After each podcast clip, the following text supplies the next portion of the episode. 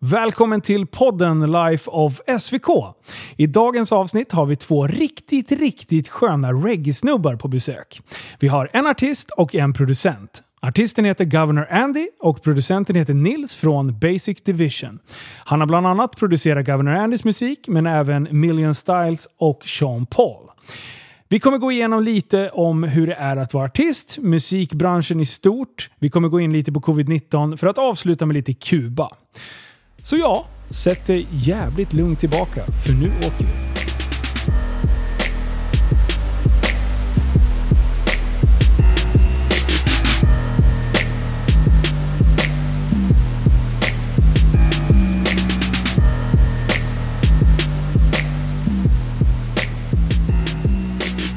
Välkomna till studion, guvernören Andy och eh, Nils Basic Division. Tack ska du ha. Tack, tack, tack. tack. Fan vad taggad jag är. Gracias. Ja, du körde nästan i diket på vägen hit alltså. Ja, jag var så jävla starstruck i bilen.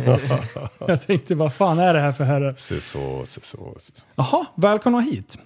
Du, jag eh, är skittaggad på att eh, få köta lite, lite musik med er. För det är ju faktiskt det ni är, det, det är där ni briljerar kan man väl säga. Ja, de påstår väl det. Annars skulle man väl inte ha hållit på sedan 1979. Är det så länge du har på? Jo, för du har musikbidrag. Ja, Musikbidrag. Ja. Nej. Men eh, en del känner nog igen eh, dig, Governor Andy. Det är Mm. ditt artistnamn. jajamän. Eh, men Nils, han är ju lite mer så här behind the scenes. eh, Han, han, är på andra sidan kan man säga. Stämmer. Vad, vad är din uppgift? Bakom spakarna, Det är bakom kan spakarna. man väl säga. Nej, men jag... ehm, ja, jag producerar mycket av Andys musik. Ja. Ehm, och ser till att den instrumentala delen är där och att rytmerna är där, Ja. så att säga. Och det är ju, sker ju ganska mycket eh, med dator. ja. Du är datahacken alltså? Exakt. Du är Neo från Matrix? Ja, Musik. Ja. precis så. Skriver pekfingervalsen. Så. Ja. Ja. Men är det du som gör, som gör beats? och- Ja, och precis. sånt? Jag beatsen till Ander liksom. Ja. Eh, eh, och det har jag gjort i ja, pff, över tio år i alla fall. Ja. Sen har vi, jag, jag, jag, både jag och Ander har jobbat med, med andra producenter också Mm. under resans lopp som har hjälpt till och gjort eh, massa bra och feta grejer. Men, Så men, ibland är det mer eh, livebaserat eh, och ibland är det mer programmerat kan man väl säga. Okej. Om Mm. du hänger med. Ja. Men eh, du är aldrig, du är aldrig vid micken själv? Nej, jag håller mig borta mikrofonen. Har du, har du gjort Ja. någon låt? Nej, ingen låt. Vi måste göra en låt med Nils. Det är det jag har sagt i åratal. Han kan sjunga alltså. Ja, jag, Ja, ja, ja, jag ser ja. det på honom. Han är ju liksom, ja han är ju klar. Eh, ja, Men eh, eh, jag tänkte så här, vi, vi börjar dra lite hur, eh, hur ni träffades. Ja, alltså. Eh, på... Från, nu ska vi se här, nu ska jag vara... 40-talet. För 40-talet, ja precis. Nej, men 1995 Ja, så började en slags fas 2 i mitt klubbengagemang i Stockholm. För jag bodde i Stockholm. ja, Och eh, det ledde i sin tur till att två år senare, 1997, så startade jag och tre andra gentlemän en reggaeklubb i Stockholm som hette Slingshot. Som låg på Mariatorget i Stockholm. Och som blev snabbt en jättesuccé. Så vi körde där faktiskt varje torsdag i hela fem, nästan sex år. vad var det för inriktning på klubben? Reggae dancehall. Det är bara reggae Ja, dance. vi hade två rum. Det ena spelade vi det senaste av dancehall och reggae. mm, Ja, nyproducerade grejer. Och den, den andra dancehall körde ju old school reggae helt enkelt. Ja. Ska, rocksteady och sån här tidig. Ja.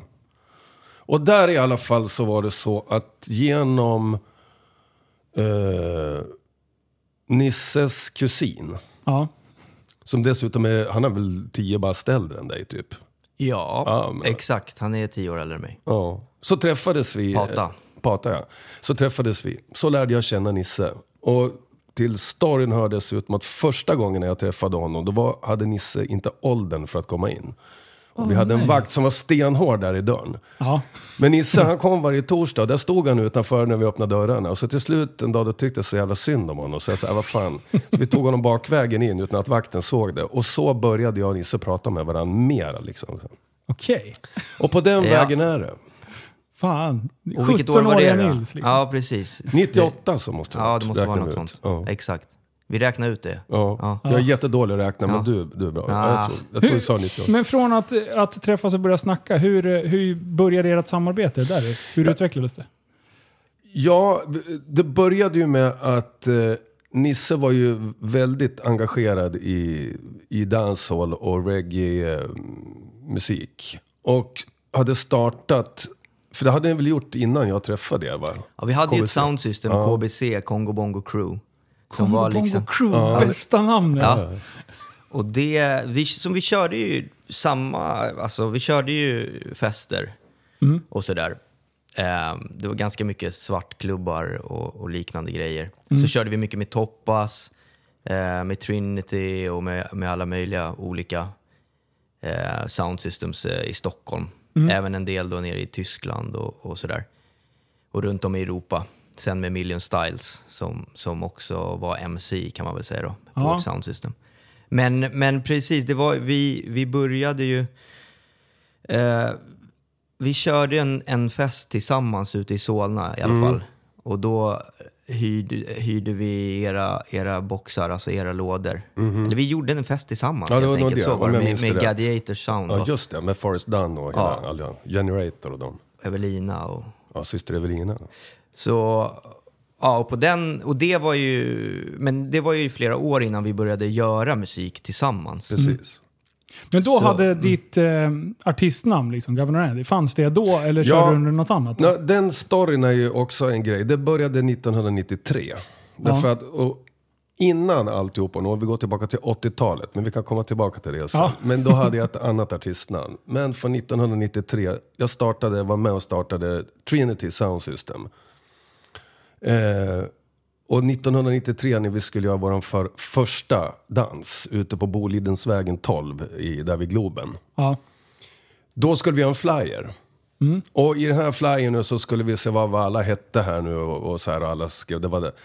Fabulous G och Generator och Rockstone, Heavyman och... Åh, vilka coola namn. Ja, Så actiongubbar. ja actiongubbar. Ja, men så här. Ja. Du är ju lite av en sån här Jag är en actiongubbe. actiongubbe, G.I. Joe. Ja. Ja, och sen så i alla fall, eh, när det var, var min tur då, så sa eh, faktiskt eh, Heavy där, Rockstone Heavyman, han sa att... Eh, nah, you're the governor, sa han.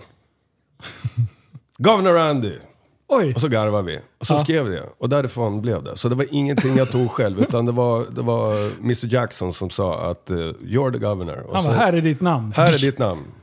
Tyst. Ja, typ. Äta upp va? Så blev det. Men du, när ni säger, jag måste ställa en dum fråga, för jag är ju inte insatt i det här. När ni säger sound system, Ja. alltså vad, vad är liksom definitionen av det? Jag tänkte att det var ett, ett sound system, alltså... ja, det är ju det. Nu, det är rätt. Ja. Ett ljudsystem, en anläggning ljudsystem. helt enkelt. Det är Ja, därifrån det, det, det kommer. är så? Ja. Men varför... eh, Ja. Alltså det är ju jamaicansk kultur eh, kan man väl säga från början. Där de, där de liksom, det är som ett mobilt disco. Ah, Okej. Så att du hade liksom dina egna, din egen utrustning. Ja.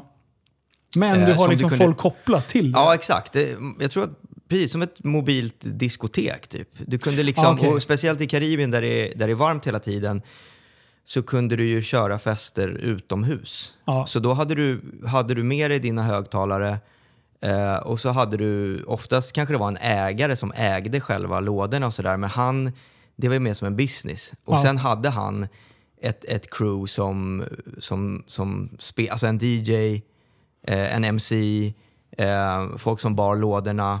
Ja. Och så, så ja, ibland bjöd de in liksom olika artister, kända artister som kunde komma förbi och köra live. Okej. Mm. Och så höll de på sådär från sju på kvällen till sju på morgonen. Liksom.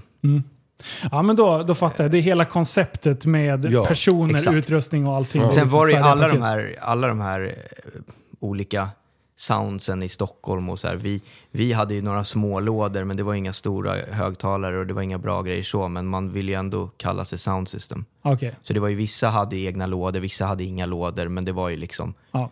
det var, ja, Ja, jag fattar. DJ crew, eh, sound system, whatever. Och det här är alltså på... Det är runt 2000 vi pratar då. Ja, vad sa du? 98 ni träffades? Ja, Andy hade ju kört på längre än, än eh, vad vi hade gjort. Ehm, så, så när jag kom in fanns ju redan den scenen där med, med Swingaling och, och Trinity och Ja. eh, Papa Bull och alla, alla möjliga lirare som, som höll på. Mm. Ehm, så absolut, den, men, men där var ju Andy väldigt tidig i att bygga upp hela den, den scenen Mm. för Sverige. Även eh, alltså från Västerås och, och vidare över till Stockholm. Mm. Och det var ju med liveband ibland och det var med, med DJ och soundsystem och sådär. Alla möjliga grejer. Så man brukar ju säga att tomten är far till alla barn. Men i det här fallet så är Andy pappa till jävligt mycket inom musiken. Det tycker jag att man kan säga. Förstår jag Det var inte då? bara jag, vill jag poängtera, men tack Dils, du är vänlig. Ja. Nej, men det, det var ju några andra innan också. Men Ja. visst, jag var, jag var en av dem. Det var ett gäng i början där på 80-talet som började toasta på svenska, men de fortsatte inte. Så, och jag har ju... Nästa dumma fråga. Ja, Toast. Alltså vad, eh, toasta på, på svenska säger du. Vad, vad innebär hela det konceptet? för... Själva ordet det kommer från toastmaster. Ja, precis. Ja, precis. Och MC då, Master of Ceremony. Att man, man pratade helt enkelt. Det, det, man pratade över eh, instrumentaler. Ja. Och då var ju de här Count Machuki och, och vad hette han då? Eh, ja, Uroy var ju den som gjorde en grej av det. Att de började till och med spela in att du pratade över, över rytmer och eh, låtar som redan hade varit hits. ja. Och det blev en helt ny genre som tog Jamaica med storm i början på, säg mitten 60-talet, slutet 60-talet, början på 70-talet. ja. Men det är ju flummigt också. I den här soundsystem-världen så kallas ju DJ, det är han som håller i mikrofonen Ja, egentligen. just. och, Ja. och, och, och toastar och kör på micken. Och han som spelar skivor, det är, han är selector liksom. Så det är lite... Ja, och så, ja, sen har de ofta, eller ibland en som är selector som kanske väljer... Precis, selectorn kanske väljer skivorna, ger dem till, till eh, DJen som liksom lägger på plattorna och kör på micken över. Så, så, så det är liksom, det är lite bakvänt. Det, man därför, kul. säga. Ja, Ja. Därför att- och det har, ja. Diskjockey, att det blev den som kör på micken, det var ju att han rider rytmen, he ride the rhythm. Ah. Da, da, da, da, da, da, da. Ja, ja, ja, jag fattar. Så de, de, men jamaicanerna de är duktiga på att vända mycket. ja men det är så här. Men hur började din musikresa då? Min, från början? Nu pratar vi way back. Ja, då pratar vi Jurassic Park alltså. Ja. Eh, jo, jag växte upp i en familj där det hela tiden var sång och musik. ja. Och det var alltid fester och det var dragspel, fiol och mandolin bokstavligen. Alltså. Skål. ja. Och sen så, eh, så att jag växte upp med hela den här musiktraditionen av Evert Taube, Povel Ramel, Cornelis sedermera, Stefan Demet, Ove Thörnqvist och alla de där. Så det där satt liksom i, i bakhuvudet på mig. Sen också tidigt så började jag lyssna på blues. Jag var nog bara kanske 11-12 år då jag torskade dit på det ordentligt. Och sen några år senare, och då var jag nog i f- 13-14, första gången som jag verkligen trillade dit på reggae. Och då var det det att jag, jag hörde att det här är ju ungefär samma sak som blues, det är ju ganska nära varandra. Och... ehm, Hur gammal är genren reggae? För, alltså, hur långt, när, när skapades den i tid? Man kan Liksom? säga att, alltså, det, för, och då kommer vi tillbaka till den här soundsystem-kulturen vi snackade Ja. om innan. Att efter andra världskriget på Jamaica, då var det, det folk gick ut och kollade på, det var ofta storband. Stora ensembler av orkestrar. Så här. Men det var ofta för folk som hade lite mera cash i plånboken. Så att arbetarklassen, de hade liksom inte råd att gå på de här konserterna. Och då började vad heter barägarna att importera jukebox från staterna. Ja.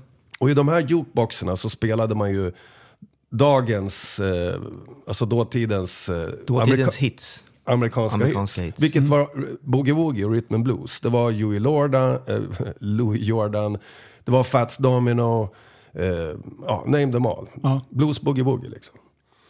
Och det nu börjades att spela för sig jukeboxar. Men insåg man då att hej, här kan vi göra egna partyn. Och därifrån så började man bygga sina små anläggningar och ha house parties eller block parties. Ja. Och sen så växte den här grejen då så att man då kunde ha de här större festerna utomhus. Och anläggningarna blev större fetare, mera powerful, mera watt, mera bas.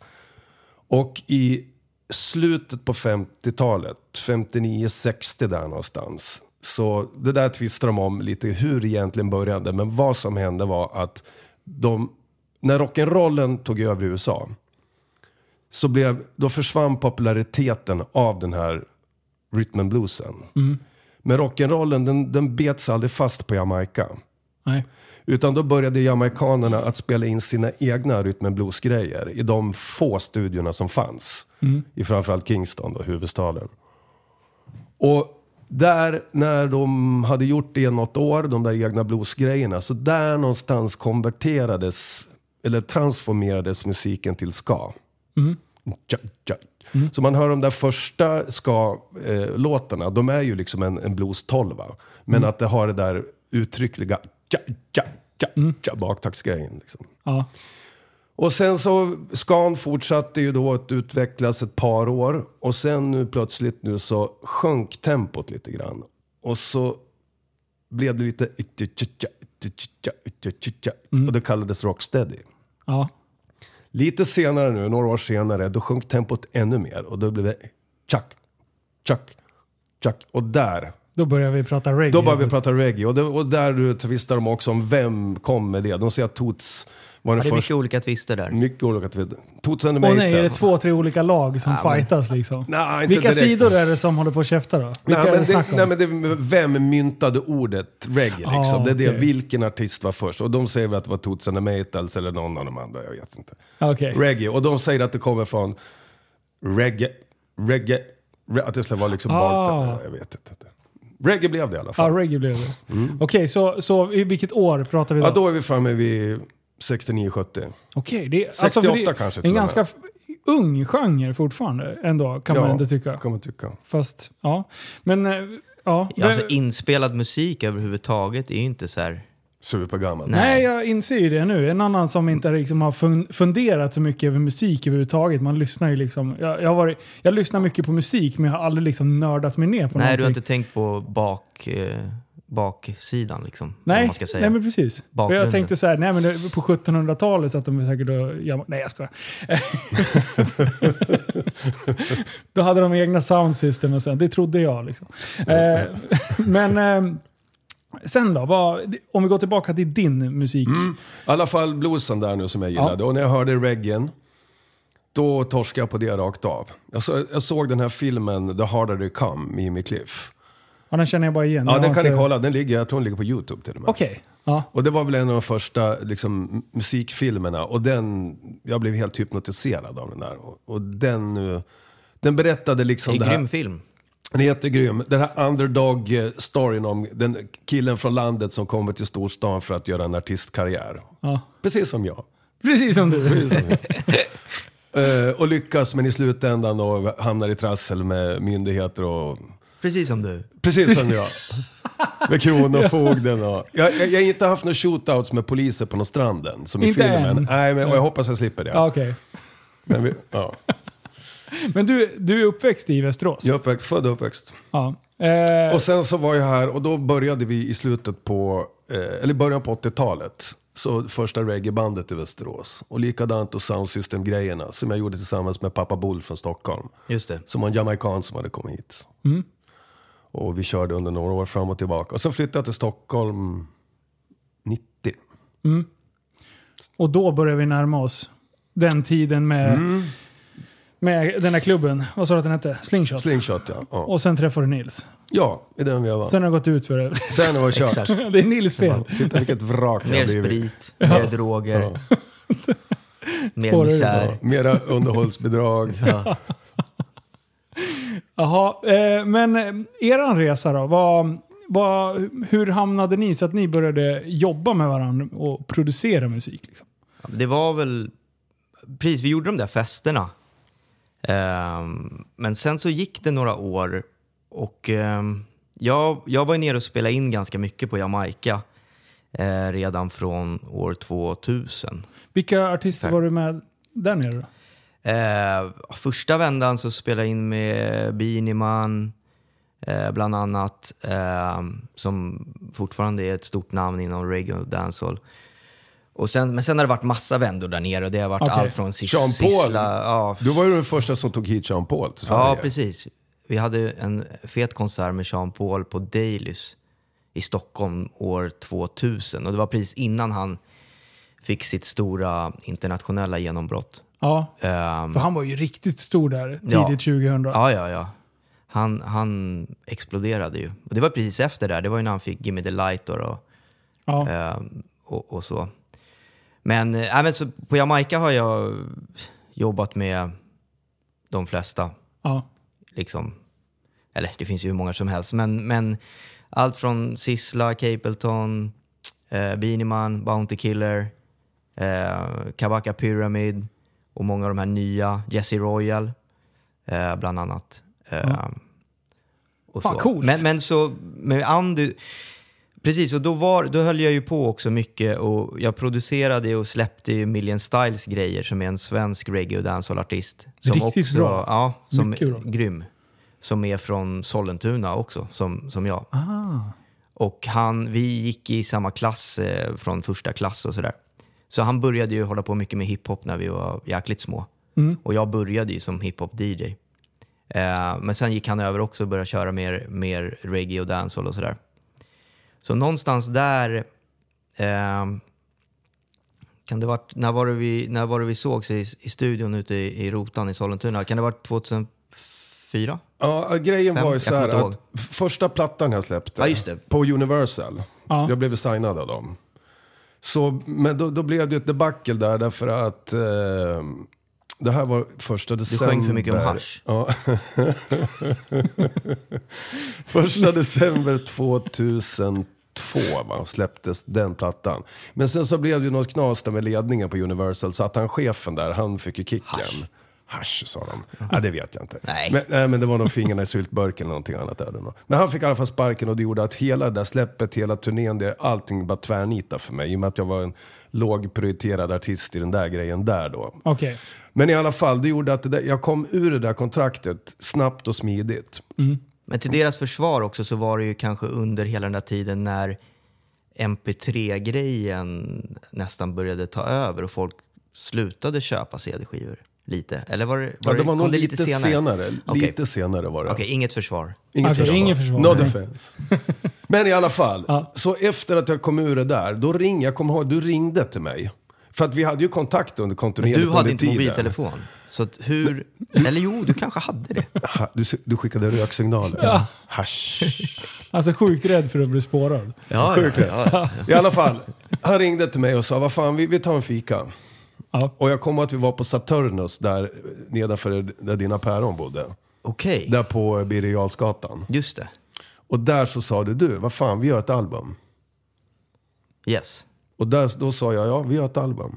Det är så Alltså skönt. jag, jag tänkte hela tiden, då, då producerade jag ju mycket musik som var på engelska. Mm. Eh, och så. Men Skål. vi, jag hade hela tiden en vision av att, att man skulle kunna göra det på svenska och nå ut till en bredare publik. Och, liksom, och Andy kändes verkligen som rätt man för jobbet. Ja. Han är ju grym på att ta vilken crowd som helst. Det kan vara uppträda för fem eller 50 000. Eller Ja, det är liksom. alltid fest. Ja, nej, men det, och, och då kände jag så här, det här, här kan vi nog göra någonting riktigt bra. Liksom. Mm. Ehm, och, och Andy, var, Andy levererade alltid bra. ja, precis. Så på den vägen. Ja. Men vad för, hette första albumet ni gjorde då? Det hette Som Salomons sång. Och vilka låtar är med på den då? Bland annat... Eh, Den heter, en låt som heter det också Bonus på kortet. Ja, ja precis. Och eh, Som Salomons sång. Ja. Och eh, en del andra. Ja. För nej, det, var, det var då jag hittade dig. Det var, det var första jag hörde Mm. av, av dig. Ja, det, den, alltså de spel, Bonus på kortet den spelades en hel del på gammal media så att säga. Ja, och innan, även, innan du blev bannlyst. innan jag blev bannlyst ja. Har du blivit bannlyst? Nej, inte, inte officiellt men... Ja, okej. Nej, men vi, vi kan Har det komma varit till nagel, nagel i ögat? Där är det. En, en vass nagel, en slipad nagel, en lång jävel också. Så den här podden, Och den nu går det utför. Du- Nu går det utför. Ja, nu är det kört. Exakt så. Ja, nu, nu försvinner jag. Nu är det färdigt. Ja, eh, för... Och det här, nu är vi inne på typ 2004... Ja, Nej, typ 2000 förlåt, förlåt. Ja, 2004. 2004, Fem, 2005. noll- ja. För då vet jag att du och jag träffades första gången. Eh, och det är alltså på kår, Kårhuset i Västerås. Mm. Då hade, eh, hade någon, vi hade bokat in dig som artist. Mm. Vi hade en ganska fet bandbudget som vi fick bränna på, eh, på sköna artister. Och, och Det då var tider det. Ja, Vad fan tog de pengarna vägen? Det visste jag inte då. Nej, vi hade mycket lustiga, roliga artister. där Ja, på- jag- jag kommer ihåg det, ja. Det var... Det var ja, nej, men det, vi, gjorde, vi gjorde ett bra jobb. Eller de innan. Jag jobbade ju som, som ansvarig tillsammans med fyra andra och sen hade vi en kårhusmästare. Så vi var Mm. fem stycken som höll på och roddade det där. Och de året innan oss, de hade gjort... Kårhuset får ju inte göra vinst. Nej, precis. Eh, och de hade ju tyvärr gjort massa vinst. det, det gick väldigt bra, det var ju superpoppis. Så då var man ju tvungen liksom att, att, att lägga en budget på, på kommande år. Så det var ju därför vi hade en lite saftigare bandbudget där då. Så det, det var ju Caesars Palace, Petter var där. Jag var ju där med Petter också. Ja, du, ja, det var det. Ja, eh, och ja, det var massa konstiga artister. Det var ju, det var ju skitroligt. Ja. Eh, och, eh, men du körde själv också? Ja. Men du var där med Petter också? Ja, för hans tredje platta så är jag ju med på en låt. Och det gjorde att jag var med ett helt år på turné med honom. Vilken, vilken låt är det? Eh, en sonett till dig heter den. Ja, ja, ja. Den, Den är lite lugnare. ja. Men, och, Och vilket eh, år var det? 2002. 2002. Okej. För, ja, precis. Så det här är typ 2005 där någonstans. 2000, 2004, 2005 tror jag att du var på kåren. Med var det? själv ja. Ja, Ja. Med, ja. Och sen kanske du var med Petter innan. Ja, i alla fall. Och, och där då tänkte jag bara, vilken skön jävel. Och jag hjälpte er att serva det med, det skulle ju vara massa sprit och grejer det, det, i det här jävla bandrummet där Jag har aldrig varit så bakis någon gång som då. Det är mitt fel. så, och, och det var ju skitkul. Och, och, ehm, jag vet inte vilka hade du med dig där? Det var no, du hade med dig någon mer i alla fall. Mm, jag minns inte riktigt, men jag vet att vi var där med bandet i alla fall. Med Ja. eh, Janne Karlsson från eh, Kalebar. Ja. Eh, Andreas Larsson som har mastrat och mixat en hel del av grejerna som Nisse har gjort. ja. Och proddat. Och proddat, Ja, absolut. Han och Partillo var ju med också från början. Ja, just det. början. Vadå, har du proddat Kalle Ba? Nej. Nej, nej, nej, utan mina ja, förlåt. Ja, förlåt. Ja, nu. Eh, ja, det var, så var det väl eh, Perna där också som, var med, som, spelade, som jobbade på eh, United Stage. Han är på Blixten nu, Just det. nu för tiden. För alltså det var ju, det var ju så jävla skönt häng där inne. Jag tänkte bara, vilka jävla mysfarbröder. För det, då var jag ung på den tiden. Eh, det var ju du också. Men, men du var fan så mycket äldre än mig. Eh, och sen kommer jag fasiken inte ihåg hur det var, men jag var på väg till Stockholm. Och hamnade bredvid dig på tåget. Och jag bara, vad är det här för filur? Jag känner igen honom. Jag, jag kunde fan inte koppla först. Och sen bara, ja jävlar, guvernören liksom. Så jag var... Eh, så då, ja, jag är totalt oblyg som vanligt. Ja. Så jag bara, tjena, hur är läget? och så satte vi oss och snackade hela vägen Just till det. Stockholm. Ja, Han är ju inte jätteblyg heller. Så. Nej, nej, han bara, gud! nu, och vi satt och tjötade, det var ju skitnice där. Jag minns det. Ja, du gör det? Ja, jag är med- jag med det. Och då, då kom vi in på just eh, filmning och sånt där. Mm. Och då sa du, fan har du inget att göra? Nästa helg så kommer jag spela på Sigurdsgatan. Så Ja. då bara, eh, kom förbi och filma lite. Så att jag, jag var ju där med kameran och, och filmade när du körde live. Jag fick träffa, träffa din fru eh, och i backstage där och bara gled runt där. Jag var allmänt förvirrad. Men, men det var första gången som vi egentligen gjorde något projekt tillsammans. Var det då som, eh, var det den gången på Sigurdsgatan att General Knas och Syster Sol var med också? Nej, tyvärr inte. Det var inte då. De hade Vilket träffa. år var det här då? Det här måste vara typ året efter 2006, 2007 kanske? Kan det vara så?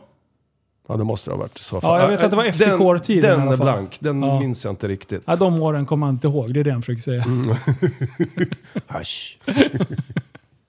Ja, jäklar. Men eh, Mm. hur, hur, eh, hur, hur har businessen gått efter det då? Alltså, hur, eh, hur har, eh, från där, hur har det utvecklats då musikmässigt? Businessen går alltid dåligt, Ja, men. Det är, men det är roligt. Är det en tuff bransch så? Ja, visst är det det. Ja.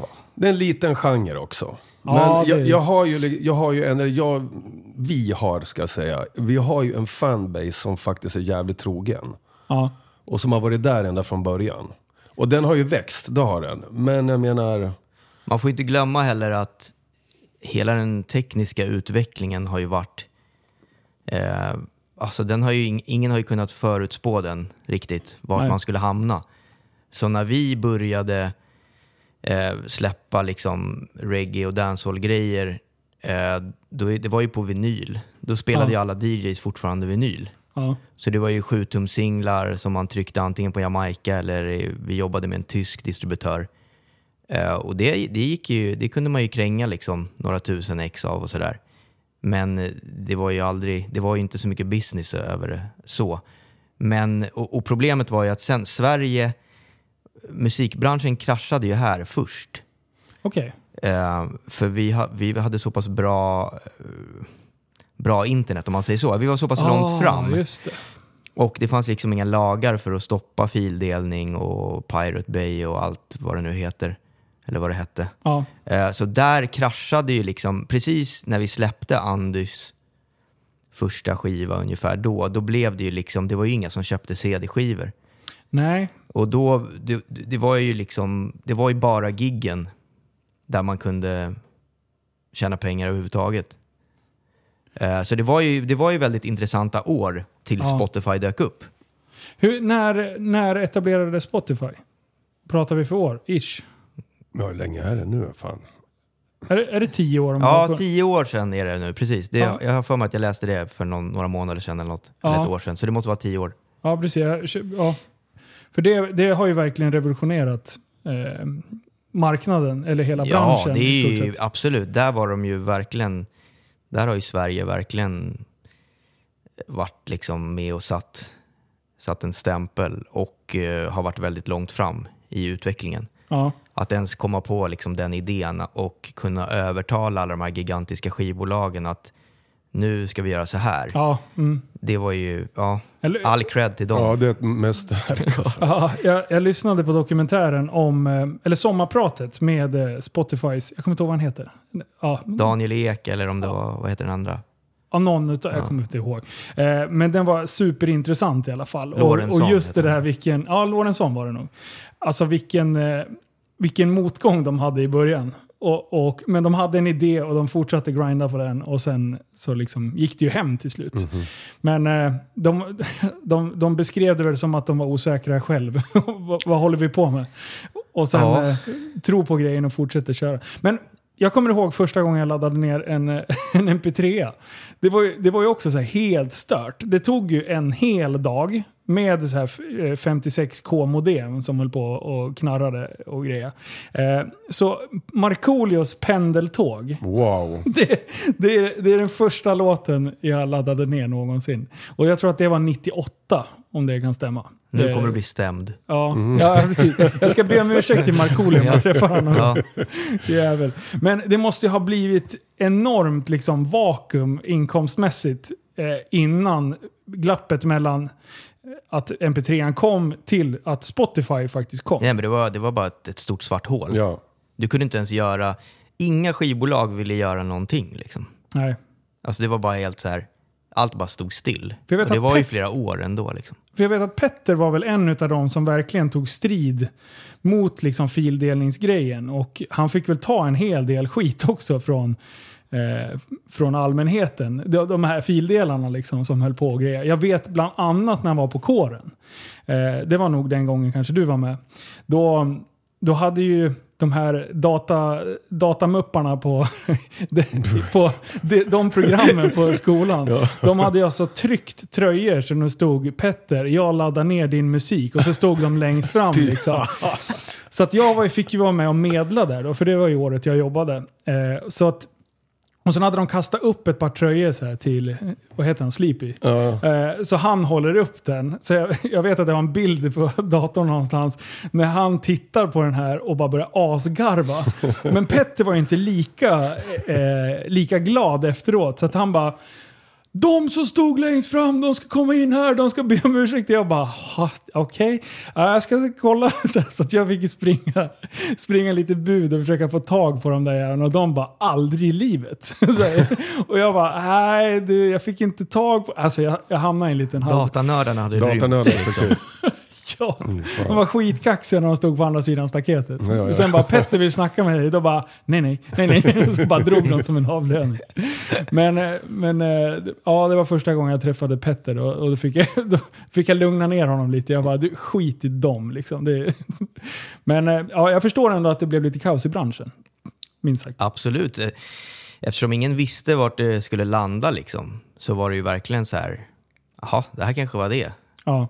Men, men då dök det upp såna här nya typer av kontrakt, såna här 360-avtal där skivbolagen gick in och, och skulle ha av eh, live-intäkter, eh, merchandise och så vidare.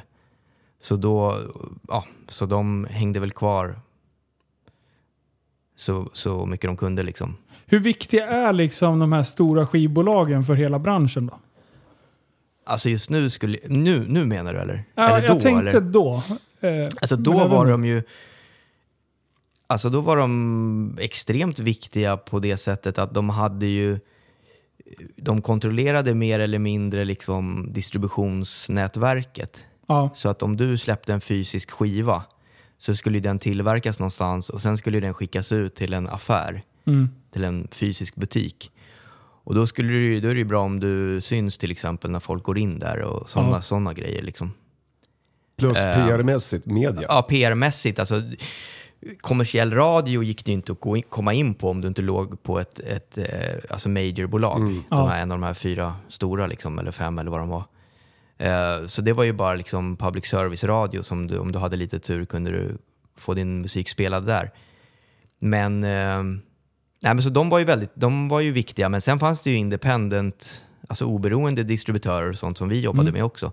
Så att man kunde ändå få ut sin musik, men, men problemet var sen slutade ju folk köpa överhuvudtaget och då var det ju, då, det, är liksom, det kraschade ju bara rakt ner. Och det var ju precis eh, ungefär när jag hade börjat, så att det var ju ganska svår bransch att hålla på och, och härja omkring i. ja. Ehm, Men eh, nu när Spotify eh, finns då. Hur... Eh, Okej, vänta. Jag ska ställa en fråga till. Jag har ju någon sorts eh, bild av att det har funnits ett missnöje mot de här större drakarna liksom, till skivbolag. Ja. Att, eh, och, och jag som har stått som en outsider har ju typ eh, upplevt det som att, eh, att artister blir överkörda av skivbolagen. Är det, är det liksom någonting som bara jag har upplevt eller Det är en gammal företeelse. ja. är det så? Ja. Alltså jag, skulle Ja. jag skulle säga så här att den, det är lite så här... Eh, på ett sätt, om du skriver på ett avtal så är det bra att, om du vet vad som står i det. Ja. Det är alltid bra.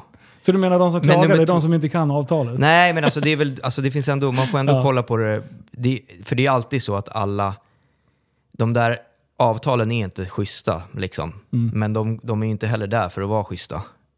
Så att det är, lite, det är lite så här, eh, de är ofta extremt komplicerade och så man kan ju säga att liksom majoriteten av artisterna blir lurade på ett sätt för att man hamnar ofta i en situation där man kanske, man har inte så mycket val. Man Ja. har en chans och man tar den chansen och man är inte supernoga med kanske vad som står i avtalet. Men samtidigt är det så här, det, det är inte, du blir inte tvingad heller att skriva på det där avtalet. Nej, nej jag fattar Så det beror ju på lite. Jag, jag, jag vet inte, nu är avtalen mycket schysstare. Och svenska avtal har alltid varit relativt schyssta. Om du jämför med amerikanska, då, Ja. då är det bara då är det Ja, kört ja, ja. liksom. Mm. Du har inte en, en suck. Du, de äger Dig. De äger dig. Ja.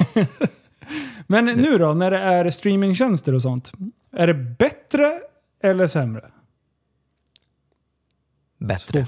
Ja, det är bättre, absolut. Jag menar friheten, jag menar, och grejen är att sen jag och Nisse när vi började samarbeta så har jag varit helt fri i mitt, i min artistiska frihet har liksom, Ja. det utvecklats till 100%. Det hade det säkert inte varit om jag hade varit på ett stort majorbolag. Då hade de till slut talat om för mig att nej, det här kan du inte säga, det här får du inte spela in. Och sådär. Okej. Ja. Ja, du har ju alltid, om du ligger på ett majorbolag så har du ju alltid, de vill ju alltid vara med och, och tycka sitt liksom. Ja. Ibland, und- förlåt att jag hoppar in där, men ibland under första plattan där, om de verkligen lyssnade igenom den och kollade vad jag, det, jag tror inte de gjorde. De bara, det här låter bra. det finns, så ju ett spår är där, det, det finns ju ett spår där som heter Håll igång. Ja, Det är precis. titeln va? Det är ju en av världens bästa låtar. Vad, vad säger du för tok i den? Nej, det, det True handlar, story. Det är en true story om en incident som tilldrog sig i Stockholm 1999. Mm. Den har med cannabis sativa att göra. Ni kan lyssna på den, den finns där på Spotify. Mm. Den heter Håll igång. Håll igång. Det handlar bland annat om, om Södermalmspolisens eh, gatulangningsgrupp också. Ah, Okej, ah, vad spännande. Den måste jag lyssna på. Men du får bara lyssna på den en gång för det är Universal som äger den. Så Ja, du, exakt. Ja, det är så också. Ja, just Du det. får inte lyssna det. för mycket. Så det ni ska göra nu, rippar ni ner den där och så lägger ni den. Vi kan alltid, vi kan MP3. alltid spela om det. Ja, precis. Nej men absolut, det är, det är helt klart bättre nu. Det är ju många också artister här, som har klagat att de får så lite per stream och lite sådär. Och det är, ju- det är ju det. Man måste ha extremt mycket eh, spelningar Ja, för att det ska bli något. Men det är ändå, som vi ser på det, tror jag det är bättre än ingenting. ja. Eh, och det är ju, som Andy sa, det är... Eh, du har mycket mer frihet. Det är liksom... Marknaden är inte lika kontrollerad. Mm. Men, men, och det är ju också... Det märker man ju nu när man pratar med, med majorbolag och så här. Och även de har ju svårt att breaka nya artister eftersom sociala medier kontrollerar allt. ja. Så att eh, även om de har världens bästa eh, sångare och världens bästa PR-avdelning och världens bästa budget så funkar det kanske inte ändå. Nej. Och, och, så. Det, och det är lite så här, det, det är på gott och ont för det blir mycket så här, om du har någon bizarr figur på sociala medier som ser ut på ett visst sätt eller gör eh, mycket konstiga grejer. Som ser ut som en regnbåge menar du? Ja men så här, någon så här sönder... eh, Six nine, Ja, men, ja, men, ja, precis. Ja, men där har du exakt. Ja. eh, Bra exempel. Då blir det liksom så här, vad är det där? Och så börjar folk följa det där. Och, och, och desto mer följare du har, desto mer kan man göra om det till streams. Ja. Så att musiken har ju tyvärr inte så mycket betydelse längre. Alltså jag skulle Och vilja ändå kidsen säga streamar, ju, emot det. kidsen streamar ju tio gånger mer. Ja. Alltså än vad vi gamlingar gör. Så att det blir ju liksom... Ja. Men vänta nu Mm, Nils, om, jag, om jag tolkar dig rätt så menar du att vem som helst kan göra musik och få streams bara man har en plattform att göra det. Absolut, så vi säger absolut. att jag skulle göra en låt om vargflis. Då skulle den alltså liksom, Om vargflis. Ja. Vad fan är vargflis? Vargflis är en sån här som eh, alkoholiserade, eh, bländrökande, foppatoffelbärande kvinnor i Hallstahammar har på Åh! sig. Du vet exakt. Känner du några sådana? Ja, ja, massor. Eh, och så har de eh, 43 katter hemma och det luktar kattpiss. Och sen har de så här eh, stängsel hela vägen upp för balkongen. Ja. Så Det här är nästan hets mot folkgrupp. Ja, jag vet. Exakt så. Eh, och, och sen har man en podd och så skojar man om det och sen så sitter man i bilen med sina barn och sen så börjar man fnula lite på en låt och sen råkar man spela in den där låten och ens podcastkollega säger att du är sjuk i huvudet, det här gör vi klart och så slänger man ut den på, eh, på Spotify och sen råkar man ha över eh, 110 000 spelningar på den där låten. Så du Exakt. menar att vem som helst kan göra musik? Ja, Ja, ja, absolut. absolut. Vargflis är en grym idé. Ja. Du kanske kan prata, jag känner en producent som du kan. Ja. Ja, det, eh, ni Alltså, du få behöver inte ens kunna sjunga, du kan ju bara autotuna. Det är Det är bara autotuna inspelningen så kommer det låta perfekt liksom. Du har inte hört min låt alltså? Den Nej. finns ju, varje Ja, flislåt. den finns. Ja, ja, äh? Ja. Du visste väl? Nej, Visste du? nej det... det Ja, den ska ni få höra efteråt. ja, absolut. Ja, och det är Och exakt miljontals med streams. Ja, vi har snart, eh, vi är snart 800 000 spelningar på, Åh, jävlar vad bra. på de fem låtarna vi har ute. Ja, men du ser. Du kan Det ju det här bättre än oss. Vi Ja, ja, ja, ja. ska sitta här och förklara. Så här. Men Linus har redan gjort det här. Men det, det är det jag menar. Att det är ju en skev grej. Jag kan inte sjunga överhuvudtaget. Och helt plötsligt bara får jag för mig att typ eh, rappa här. Och, och sen så råkar det bli. Och lyssnarna bara Fan du är sjuk i huvudet, det här vill vi lyssna på liksom. Ja, absolut. Eh, Men det är att- bra. Och det är ju Det skevt. Ja, För men den det, det är ju kreativa skevt världen. För, för det borde ju vara så att de som kan musik ska göra musik. Men idag, om man lyssnar på topp 50 på Spotify från Så Sverige. låter alla låta som vargflis. Ja, ja. Exakt. Nej, Så det, det- ja, det är autotunat och eh, det är bara om att man ska, de är typ 12 och ett halvt år och alla ska skjuta varandra och eh, köra bil jättefort fast de har fem år kvar tills de får ta körkort typ. Men Alltså, det är det de gör ju. Ja, alltså jag, blir, jag kan inte lyssna på, på svensk musik. Nej, det går inte. Jag, jag, jag blir. Topplistan, ja, det är bara det är samma tre, det- fyra jävla artister. Men det är lite det som jag sa, för att kidsen, de driver marknaden och de lyssnar ju så jävla många gånger på Ja. varje låt. Så att vi andra dödliga har ingen chans. Nej, nej, nej. Men Förutom det, vargflis. Ja, vargflis. Det, de, det, det är Surahammars-folk som Kanske om du blandar vargflis med att skjuta. Ja, Ja. oj! Ja, där har du det. Någon sån här jägar, Jägartema. ja, jägartema och vargflis. Oj, oj, oj. Ja, det är, det, är, det, är, det är bra faktiskt. Nej, men för... Men jag håller med dig. Alltså ju- när det gäller eh, musikutvecklingen i Sverige just nu är kanske inte så här jättepositiv. Men och så, mycket, tänker, det finns ju mycket positiv musik också och, och sådär. Men Men jag är ju en kolsupare. För så här är det. Jag sitter och hatar på att eh, de sitter och sjunger om eh, att de ska skjuta och deala knark och det är horor hit och dit. Och sen samtidigt NWA, way back. Ja, ja, ja. ja. Mm. Och då så här, och det tyckte jag ju var bra. jo, men Fast det då var du, hur gammal var du då? Ja, Ja, det var då jag satt och streamade. Ja. gång på gång på gång. Ja. Det är därför. Ja, Nej men nu, det blir ju alltid så här i Sverige, man vill ju gärna så här anamma USA. ja, Man hittar på så här egna problem Som som, inte som inte existerar. i Sverige. I alla fall inte på samma sätt som i USA. Och så ja, ska man då på något sätt, eh, jag vet inte vad, men du förstår vad jag menar. Ja. Det blir ju liksom, och där har du ju musiken, det är ju bara en, en ganska dålig kopia ja. många gånger. Mm. Alltså, jag- alltså när man liksom hamnar på den nivån. Giftiga Alltså- med det här. Ja. Man har ganska, även om, om det finns mycket problem i Sverige och så här, så har man ju, man har ganska bra möjligheter Mm. om man jämför med många fattiga länder. Ja. Alltså även om man är fattig i Sverige så har man ju, de flesta får gå till skolan, de flesta får gå till sjukhuset, de flesta eh, har möjlighet. ja. Det farliga är att man Så. är ung är man ju så jävla påverkbar. ja. Och det är ju det hela den här musikgenren, Exakt. den, den skapar problem. Den skapar ett problem som, som inte finns. Men jag har sett det, och det ser vi väl allihopa, att många nu idag de är jätteinfluerade av hela den här gangster-rap-skitet som svensk rap är. Skit Ja. säger jag igen. ja, det kan vi... det Mycket kan vi av, alltså inte allt, men Nej. mycket av det. Jag, jag ser liksom inte något positivt. Och det är en, en farlig grej. Nu är jag definitivt emot censur. Ja, Så jag vill ja. inte sätta mig upp och säga att, Nej, nu, att, att vi ska stänga ner det. Men liksom man någonstans att man får börja försöka få ungdomarna att se att det här leder inte till någonting bra. Nej, och det känns... Jag, jag vill inte ropa hej innan vi är över bäcken, men det känns ändå som att det har svängt lite grann sista Det har halvåret. det absolut gjort. Ja. Visst har det det? Det är samma sak när, när jag pratar med skivbolag och sådär, så absolut, det kan man se. Mm. Att, och det känns positivt. Ja. För alltså, ibland... Jag blir ju så här... Eh, nu ska jag vara så här lite konspiratorisk, men Då är streamsen du ibland... rätt, i rätt sällskap. Ja, då är det helt rätt. Men alltså, just streamsen. Ibland undrar jag vart fan alla de kommer ifrån. Vart finns alla de här kidsen som Oh. sitter och spelar? Eh, för det är helt absurda summor. Det heter som, Peola. Vad kan man köpa streams Ja. på det Det sättet? kan du väl? Kommer du inte ihåg? De gick ut här i, var det ett år sedan, innan, innan coronan. Ja. Då gick ju, jag kommer ihåg Mange Schmidt, rapparen, han gick Ja. ut offentligt i DN tror jag var, om det var svenskan. Ja.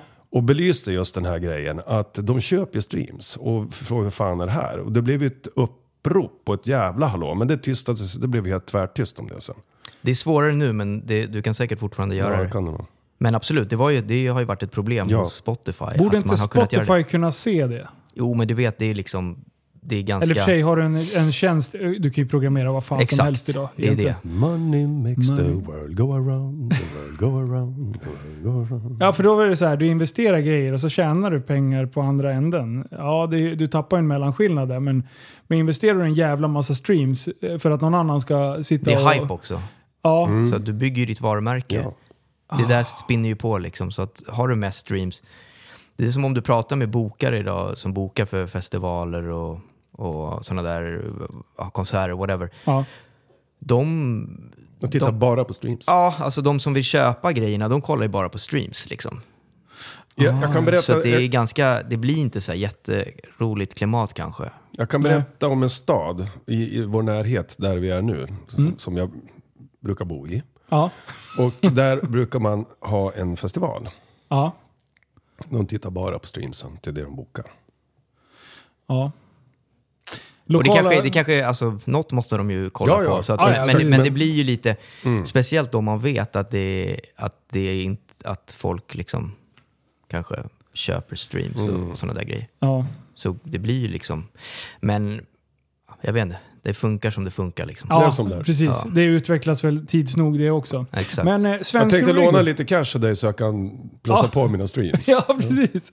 Ja, jag har ju köpt ny bil nu så att, eh, nu det frigjort lite kapital. Perfekt. Perfekt. Men du, jag tänkte, svensk reggae, vad, hur mår svensk reggae idag? Det är en sån här fråga man får hela tiden. Jag vet inte riktigt. Jag har inte stoppat in termometern där och kollat på ett tag. Eh, Det, det, alltså det var, har ju varit en jättetopp. Ja, Framförallt med eh, Kapten Röd Syster Sol och Svenska Akademin och sådär. ja. Men jag vet inte riktigt. Det verkar som luften gick ur dem. Ja, alltså, jag tror ju eftersom hela den här gangsterismen har, Ja. den tog ju över eh, lite av den grejen. Ja. Förut var ju reggae och hiphop i Sverige var ju väldigt nära. ja. Liksom. Det Jo, var men ju, hade det man typ samma... reggae-färgerna, då, då sa ju pappa liksom att ja, nu, nu, blir du, nu kommer du röka brass, säger Mm. han hela tiden. Nu börjar du knarka Linus. det har ju ändå varit lite badass-genren på något sätt. Ja, men, men i grund och botten så var det väl kanske, eh, det, var, det var kanske ett mer positivt budskap i hiphopen i Sverige för 10-15 år sedan. Ja, Och då, men, men, men svensk reggae har ju ändå fortsatt på den positiva vibben. Men då medan hiphopen har, har gått in på en, på en annan bana. Så Mm. de, de är liksom inte riktigt synkade. Men, men det blir ju det, det där som vi snackade om tidigare att eh, eftersom sociala medier driver liksom marknaden, då blir det ju om du springer runt med en Glock och liksom har massa pappersbitar i handen så tycker andra kids att så här, fan vad, vad coolt. ja, Det ser ut som på en film typ.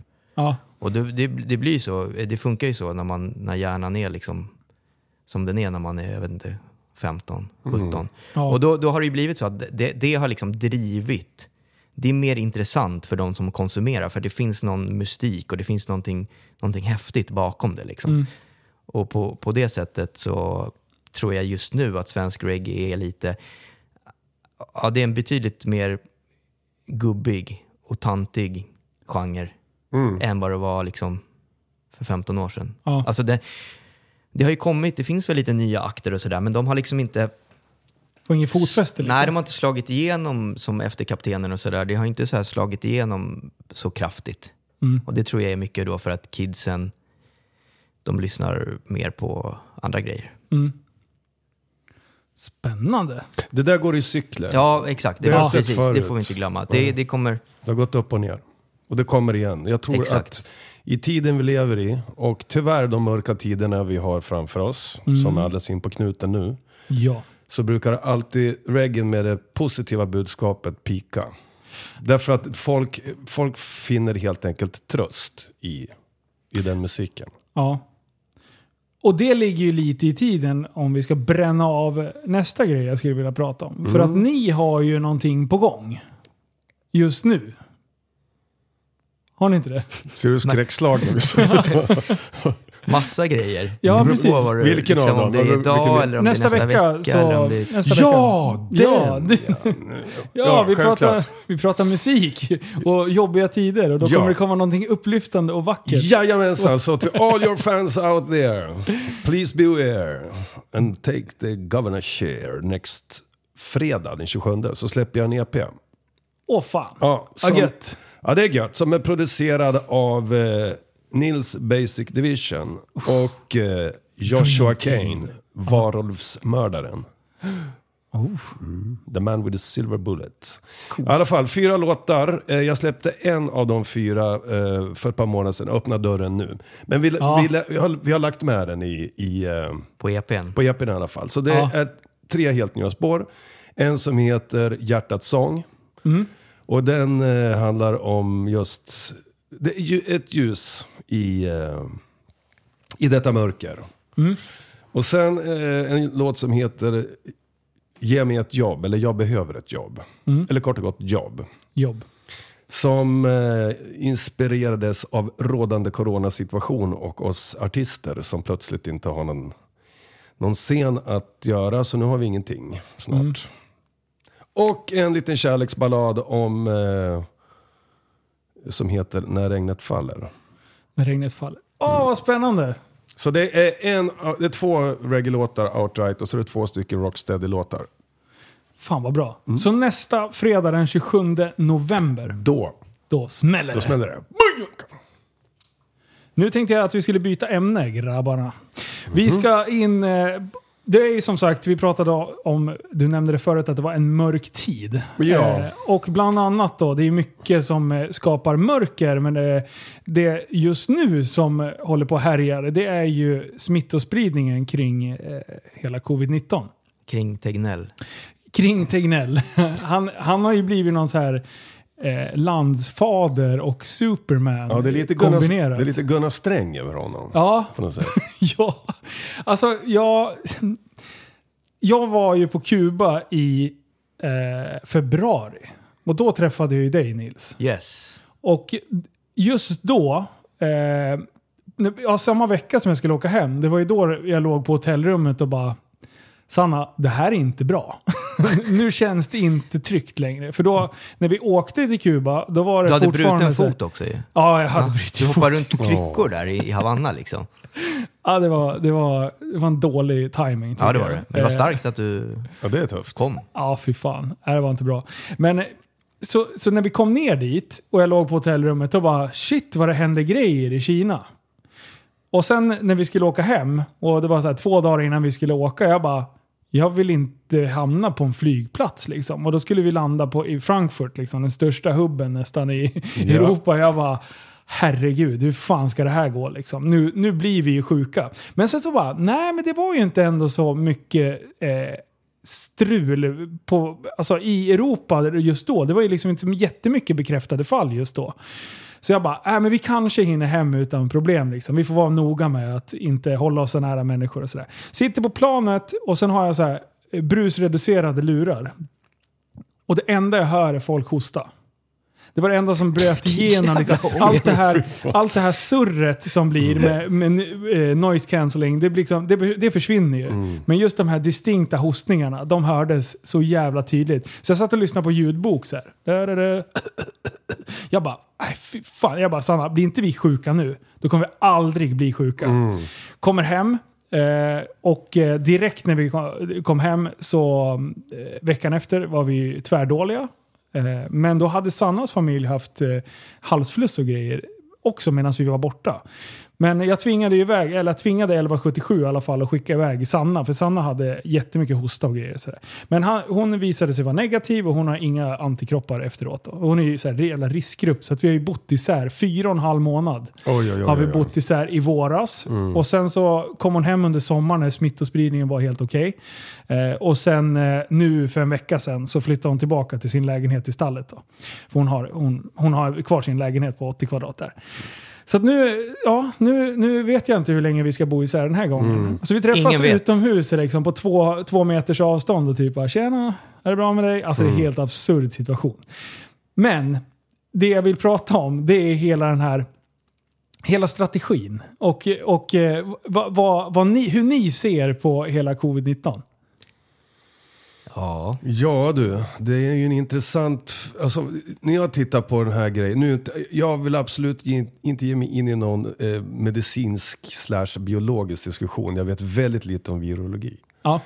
Men när jag tittar på det här från ett ovanjordiskt perspektiv, om vi ska säga så. Då. Om vi Ja. tittar ner på alltihopa så är det lustigt att den här grejen bröt ut. Det är ju en timing som är ganska lustig, att den kom där.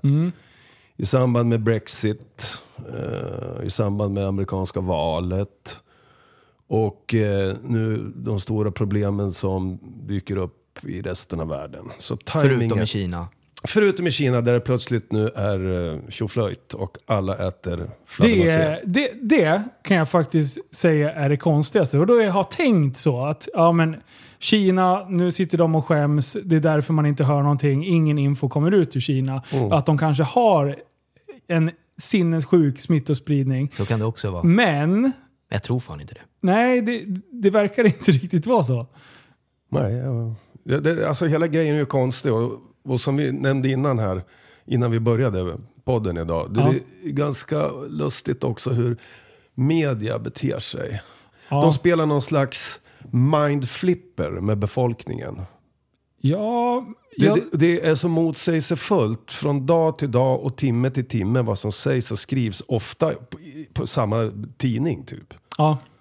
Ja, det var ju bara två veckor sedan, tre veckor sedan som eh, alla restriktioner och det, att ett, media siade om att det skulle släppas. Även, även var- regeringen pratade om det. Det var väl en del som släpptes också? Ja, och. Alltså sen, de här man fick eh, hälsa på gamlingarna och sådär. Liksom. ja just det. Och Och, det sen var bara, ju bara- nej, nej. inte nu!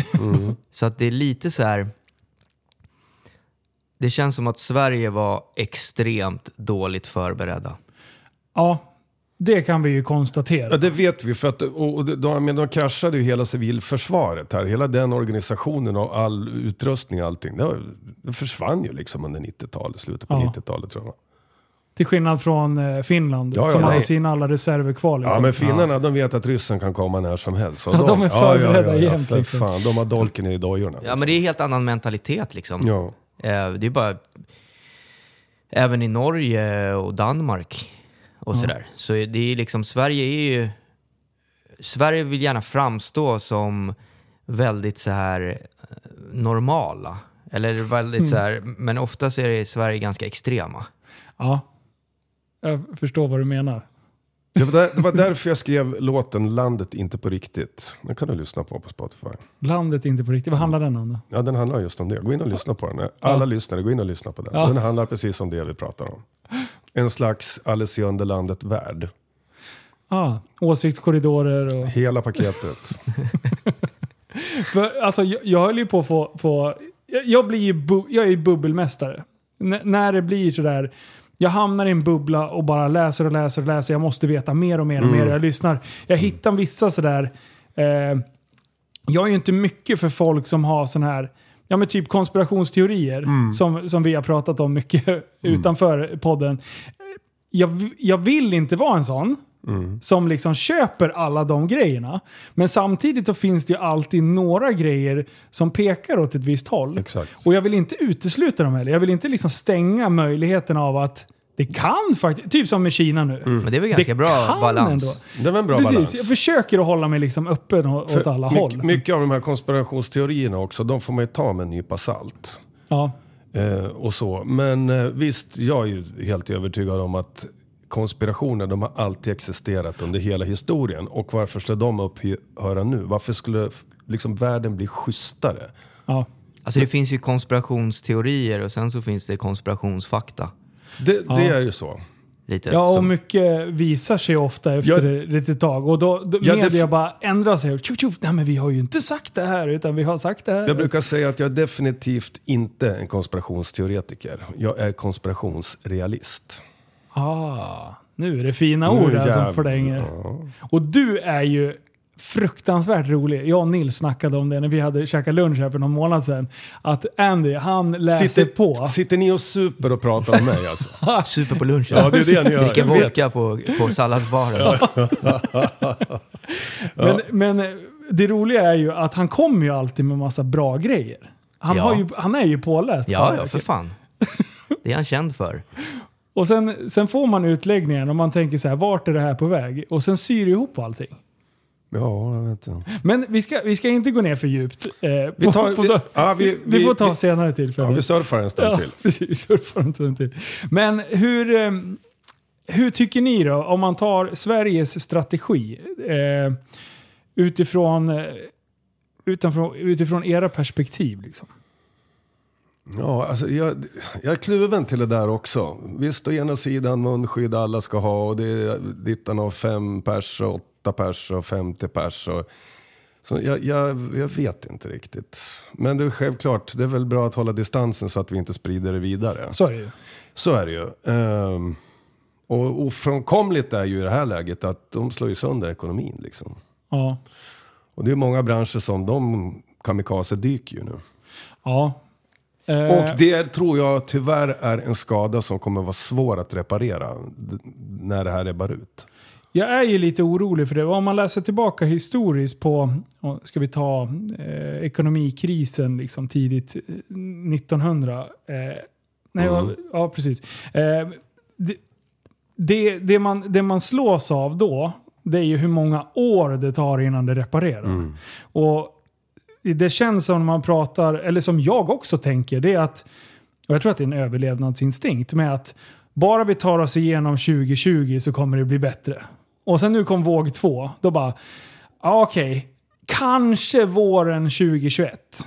Men det jag inte tänker på att just ekonomin och liksom den svängning och, och den, alltså hela ekonomin som är i svajning. Och sen så ska du ta den nästa aspekt, det är ju hur folk faktiskt mår. Vårdpersonal, alltså det de har gått igenom. Just nu är vi inne i den här kaoset. Och alla presterar ganska bra under kaos. Det är ju när det lugnar sig som problemen kommer. Så då, dels har du den ekonomiska eh, paniken och krisen som vi ska lösa. Det kommer ta många år för att återhämta sig. Sen ska vi börja deala med folk som har blivit av med jobbet, eh, hamnar utanför samhället. Eh, du har vårdpersonal som har sett och levt i ett, ett kaos i nästan ett år snart. Eh, vad kommer hända? Jag är lite orolig faktiskt. Tyvärr är det ju så om vi tittar historiskt så det var väl en annan variant men efter första världskriget och spanska sjukan ledde ju det sen till the Wall Street debacle.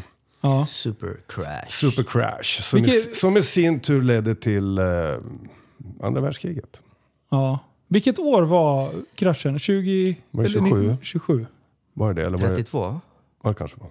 Var det så nära kriget? Eller innan Ja, så det, det, La Hitler kom Ja, in exakt. i bilden? Ja, det var ju ett sammelsurium av grejer där. Och det var ju Wei- Weimarrepubliken i Tyskland efter kriget. Och det var ju inte bara det. Det var ju, det var ju Ryssland också, får vi förglömma. Det var ju inte bara Adolf. Och det var ju Benito i, i Italien. Och det var ju Franco i Spanien. De kom ju liksom samtidigt alla de här. Och precis innan andra världskriget så, det var ju då de grundade Fed, USAs centralbank. Korrekt. Ja.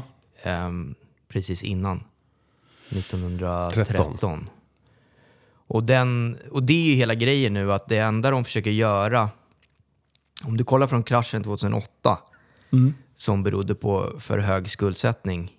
Så det enda de kan göra och det enda de försöker göra det är att braka på med ännu mera, mera liksom billiga krediter så att det blir ännu högre skuldsättning. Mm. Och så försöker de på något sätt skjuta eh, problemet på framtiden. Men det är svårt att lösa ett problem som beror på för hög skuldsättning med att du får ännu Att ta högre. mer lån. Mm. Exakt, så om du kollar på liksom ja, balansräkningarna på alla de här så är det ju bara liksom, det går ju bara upp. Ja. Eh, De lånar ju bara mer och mer och, och, och Trump har väl lånat ännu mer än Obama bara på fyra år än vad Obama gjorde på åtta. Och han gick ändå till val på att han skulle göra tvärt emot och försöka styra upp det där. Så att, och, och, och sen när det kommer ett virus, då är det liksom all bets Are off. Exakt, för då, är det, då kan du ju hitta på vad som helst. För då blir ju folk helt så här. ja, speciellt om du har media på rätt sida som skrämmer upp alla. Då, Exakt. då är det ingen som ifrågasätter eh, konstiga beslut. Ja, men kolla som är en rubrik liksom, härom, vad var det förra veckan? 20 000 kan dö. Det är väl klart som fan 20 000 kan dö. Kan dö en, kan dö en miljon. Ja, det är en helgardering. Men en, ja, en hel gardering, exakt. Men du kan ju tänka gemene man då som liksom in, inte kanske... Ja, men de har liksom inte bilden egentligen vad som pågår. Nej. Utan då, du vet, och, och, och, klart jag skrämmer skit med folk. Det är typ så här, imorgon kommer Göteborg antingen vinna eller så förlorar de. Exakt. Ja, nu. Ja, nej, det, det är dumt. Eh, Helgarderingar på första sidor är jävligt dumt kan jag Det är tycka. dumt. Sånt Men det var, det var ju när man var, när man var, jag var ju på Kuba då, eh, när hela, hela virusgrejen drog igång. Eller vi, du var ju där, vi träffades där. Ja. Och sen så var jag i Miami några dagar och flög tillbaks. När jag var i Miami höll de på att stänga ner hela, hela USA. Ja. Så jag hann tillbaks till Havanna eh, och så stängde de ner Havanna några dagar efter. Liksom. Och ja, det var ju... Alltså det, när man kollade på Sverige då utifrån så var det ju väldigt så här... Ja, men vi lyssnar bara på experterna. Mm. Så här, vi lyssnar inte på politikerna och vi lyssnar bara på experterna. Och det var experterna och experterna och experterna. Och liksom som att Tyskland då skulle inte ha... De skulle inte lyssna på experterna. Nej, nej. Eller Finland eller Norge eller Italien som... De Må- lyssnar bara på populisterna. Ja men liksom, det var väldigt sådär... Det var en sån här mystisk svensk nationalism som dyker upp då. En övertro. ja, lite så. För nationalism kan man inte... Det är ett extremt fult ord i Sverige annars. Men helt plötsligt blir alla så här supernationalistiska. Ja, det är Och- jättekul. Ja, när man tittar Ja. på det utifrån så blir det så här, det blir, det blir ganska bisarrt. Ja. Eh, Var och- det och Cirkus då- Sverige som höll på och, och ni satt från Kuba och bara, vad fan håller de på med? Landet är inte på riktigt. Ja, men det blev, lite så. Det var ju liksom... Ja, jag vet inte, många andra länder i, runt om i Europa som har haft krig kanske betydligt närmare eller, ja, än vad Sverige har haft. Ja. Och har då till exempel som vi pratar om Finland och, men även liksom Norge och Danmark. Eh, de är förberedda på ett annat sätt. För att de har liksom, det är en annan mentalitet. Mhm. Eh, och, och där tycker jag ibland att det blir lite så här, det blir lite dagis, vuxendagis i Sverige liksom. ja. För du, det har vi ju inte nämnt, men eh, du har ju bott på Kuba sedan 2013 tyckte du så? Exakt.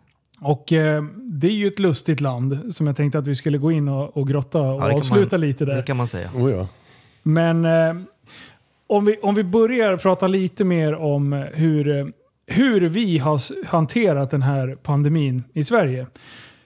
Du, vi, folk i Sverige går ju och pratar om att det är total nedstängning. Liksom. Man bara, att, att det är lockdown och grejer. Vi har ju inte haft någon jävla lockdown överhuvudtaget. Nej. Vi har haft lite restriktioner Ja. och eh, rekommendationer. Exakt. Men det är ingen som, Som har sagt åt följer. oss... Ja, ja, precis. Och sen, alltså när jag kom till Stockholm i, i, i tidig somras. Eh, där var det ju High Chaparral. Alltså. Jävlar vad det, du, det var fullt på alla uteserveringar. Det var ju Ja, så ja, första, ja. Oh, första solen där. Och jag bara, vad fan håller folk på med? Mhm. Alltså, vet de inte om vad som försiggår? Liksom? Då tyckte jag att västeråsarna var mycket, mycket bättre då. Att där höll folk ändå sig hemma och man höll avstånd när man gick ut och käkade och lite sådär. I Stockholm bara, skit i det. Mm, det var precis. fullt med folk. Alltså. Men, eh, och vi gnäller här. Och tycker att eh, allting har blivit inställt och sådär. Sen när jag pratade med dig om Kuba. Ja. Hur var det på Kuba? När, när Kuba stänger, hur, hur var det då? Ja, då var det stängt. Ja, Då var det liksom riktig lockdown. Det var, men, men det var också lite sådär, eftersom de är så beroende av turism. Så de var ju lite såhär, nej men vi ska inte stänga ner, det, här finns inget virus liksom. Eh, I början. Så Ja. de, men sen så såg de att, nej men det här blir inget bra alls. Och då stängde de ner på typ en dag. Mm. Så att vi, man fick ju liksom inte gå ut på tre månader. det var, det var alltså Ja. så. Du Ja. var tvungen att ha en bis... Alltså, Du fick gå ut och handla mat. ja. Eh, men min dotter som är två, hon fick inte gå ut på tre månader utanför läge, eh, från lägenheten. Det var så alltså. Ja, det var stenhårt. Och inga andra barn heller. Alltså, Nej. nej, såklart. Men, nej, men det var verkligen... Och där är det lite mer sådär... Det är liksom, militären har ju väldigt mycket makt Ja. på Kuba. Så att det är lite som kanske då man kollar på Kina och vissa av de här andra länderna. att När det väl är lockdown och de stänger ner, då stänger de ner. Liksom. Mm.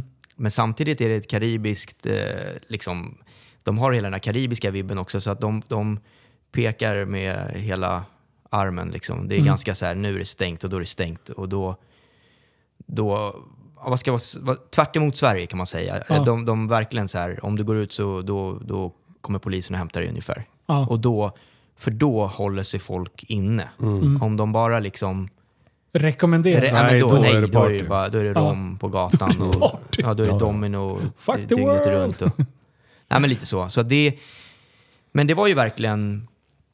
Det var ju riktig lockdown liksom. Tre månader Ja. helt inne. Ja. Hur, hur ser det ut där idag nu då? Hur, efter de tre månaderna, vilka månader var det? När pratar vi? Det, det, släppte i, i somras va?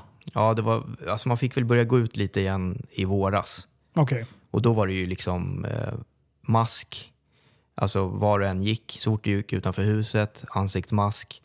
Eh, väldigt sådär, alltså få folk i butiker, inga restauranger, inga barer, ingenting. Det var liksom helt nedstängt. Men de har ju också ännu sämre resurser eh, i sjukvården och så, så att de, de kunde ju verk- det fick inte bli något kaos liksom. Nej. Hur Eh, många insjukna, hur många döda? Nej, de har typ ingenting. Jag tror de har knappt 150 döda på 12 miljoner människor. Ja. Men de har klarat sig, peppa peppa, väldigt bra. Absolut. Men, de är, och det måste man ändå ge dem på det, de är jäkligt duktiga. De har ju, tror jag, per capita har de mest läkare i hela världen. Så det är ju fortfarande då ett kommunistland och eh, det finns knappt någon marknadsekonomi. Men läkarutbildningen är ju liksom, skola och sjukvård är, så här, är, är ju subventionerat av staten. Mm.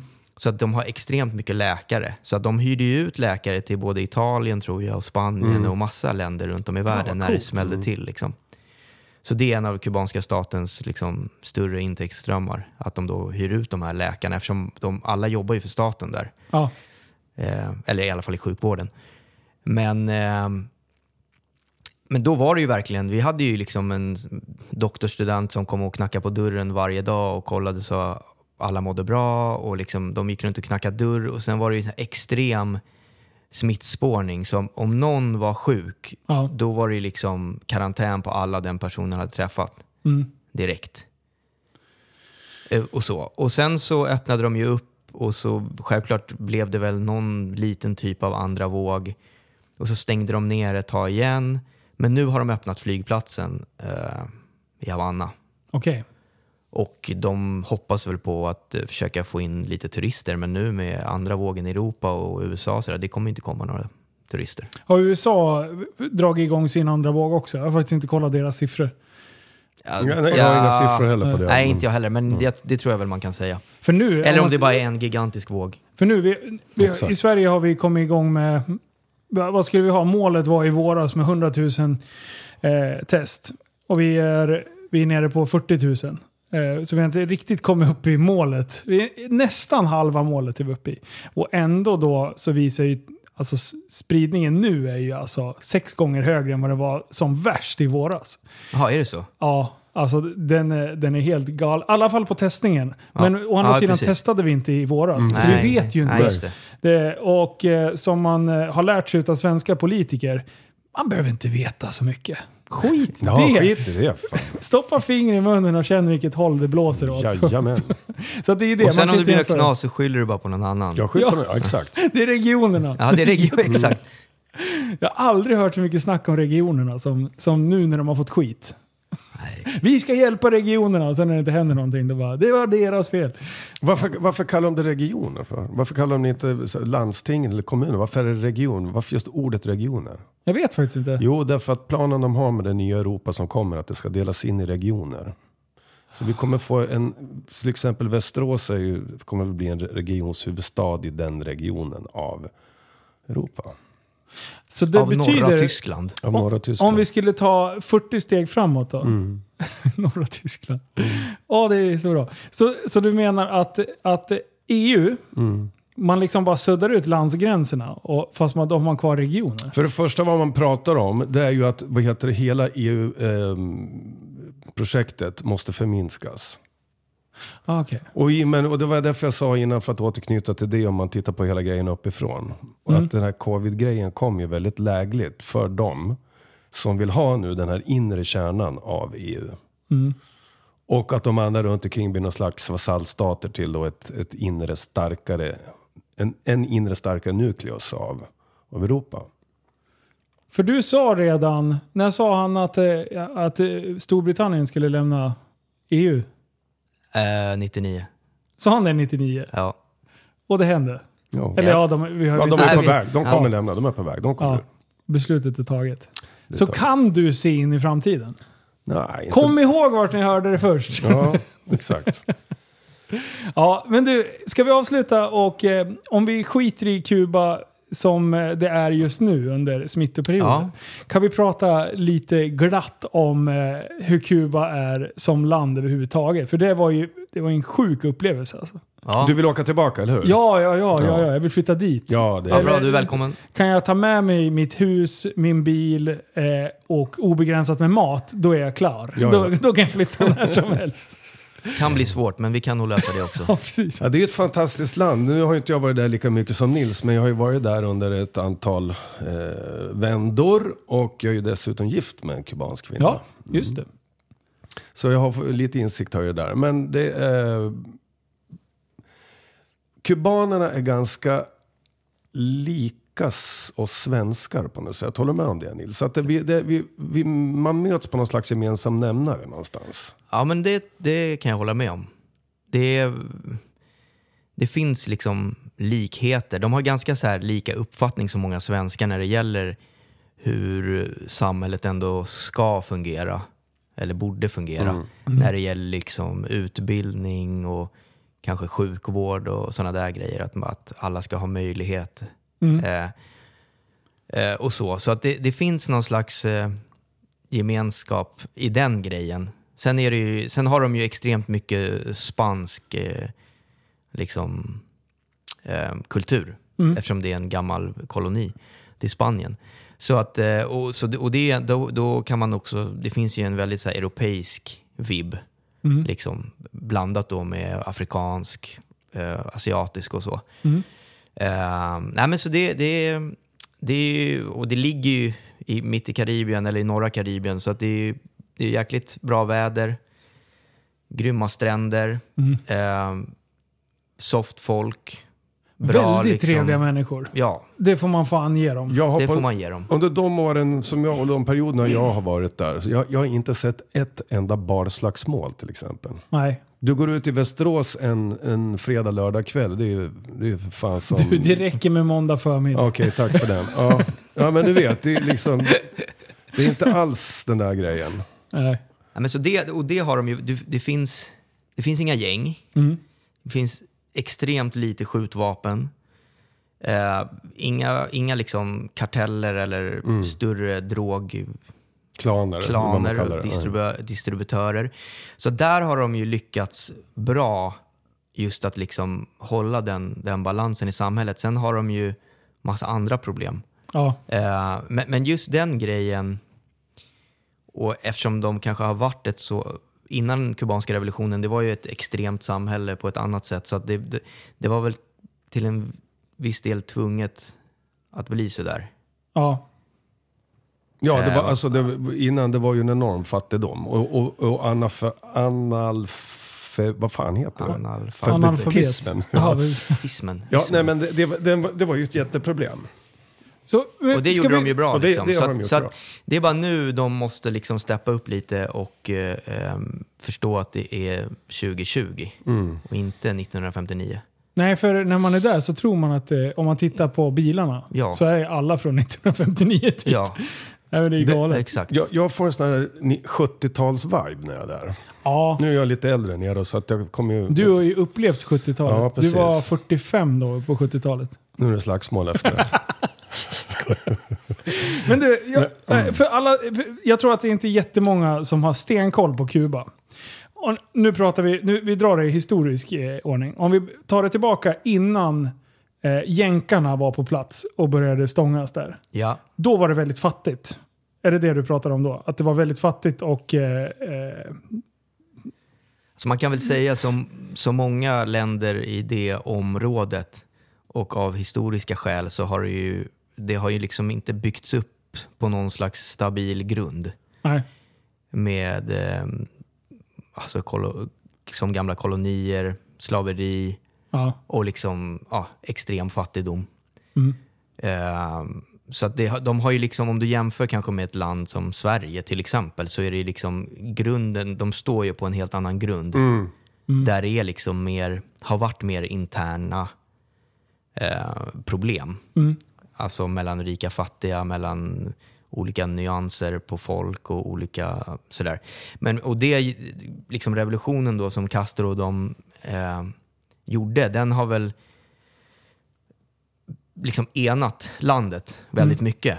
Och det har ju ändå gett, liksom, de har ju väldigt hög utbildning och sådär. Eh, så att det finns ju jäkligt mycket bra grejer Ja. som de skulle kunna då bygga vidare på. Men då måste de ju släppa vissa av de här, det här gamla tänket som, som har visat sig inte fungerar så bra. Mm. Och kanske kolla mer på någon slags blandekonomi. Om Ja. man nu, för att du, det är ganska enkelt, om du bara konsumerar mer än vad du producerar så då kommer du, kommer du ingenstans. Du bara gräver ett djupare hål liksom. Mm. Och bara vara beroende av turism, liksom, kolla nu så kommer det ett virus. Då är det liksom, Tack Ja. och godnatt. För eh, revolutionen 59 Mm. var det det? Eh, och, det och det blev ju revolution på grund av... Nej, man helt enkelt ville ju, man var trött på det systemet som var innan. Det var ju också en eh, diktator som körde sitt race där och som var då eh, backad av USA. Därför att USA hade ju stora finansiella intressen på Kuba. Man Ja. exporterade ju till exempel frukt jättemycket. Det var ju United Fruit, det stora bolaget. Och sen så var man ju ett av definitivt Mellanamerikas största biffexportörer Okej. var ju, de hade ju, det var ju Kuba känt för. Liksom. Mm. Eh, men då på bekostnad av, eh, av arbetarklassen helt enkelt. Mm. Och innan det så det, de svartas eh, situation var väl inte särskilt gullig på Kuba. Det är ju känt att de eh, kolonialmakterna, de mest brutala eh, slaverimodellerna då så att säga. Ja, Det var ju Jamaica, Brasilien och Kuba. okej. Mm. Så då, då är det Castro och eh, eh, Che Guevara som... Och Castros brorsa. Och några till. Man får komma ihåg också en grej att Castro startade ju inte liksom själva revolutionen. Nej. Utan det fanns ju en rörelse där innan som hette 26 juni-rörelsen.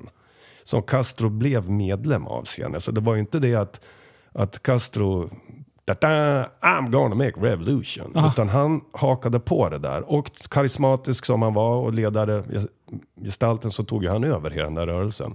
Tillsammans med sin bror och den argentinske läkaren Ernesto Che Guevara. För, för jag har ju liksom hört lite grann. Men sen läste jag på lite om det här inför att jag skulle åka då. Och, och jag blev lite så här, jag bara shit. Fan vad, alltså det är, en, det är en jävligt spännande historia. Kuba var en Kuba. jättespännande historia. Och då får man ju komma ihåg, förlåt att jag avbryter, Nej, men då får man ju komma ihåg innan också att under den, från att Columbus kom Mm. och att den, att den spanska kolonialmakten var där. Innan eh, kubanerna bröt sig loss från, Från från, moderlandet Spanien. Det är ju också en fantastisk historia. De har krigat något så in i helvete där alltså. Aha. Det var inte att eh, spanjorerna lämnade över det frivilligt. Nej, Nej, du, de lämnar aldrig över någonting frivilligt. De har skadedrabbat folk alltså. Eh, ja. Men, eh, och sen eh, efter, efter revolutionen då. Eh, då har det ju varit kommunism.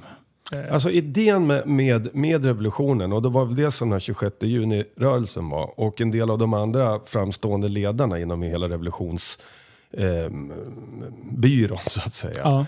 Det var ju att, att Kuba skulle ju bli någon slags socialdemokratisk modell efter svensk eh, st- style, helt enkelt. Men, ah. men- Är det där Palme kommer in i smeten? ja, Ja, lite, senare, lite men- senare. Men Fidel Castro sålde ju alltså ut hela den idén till Sovjet och Nikita Khrushchev. Okej.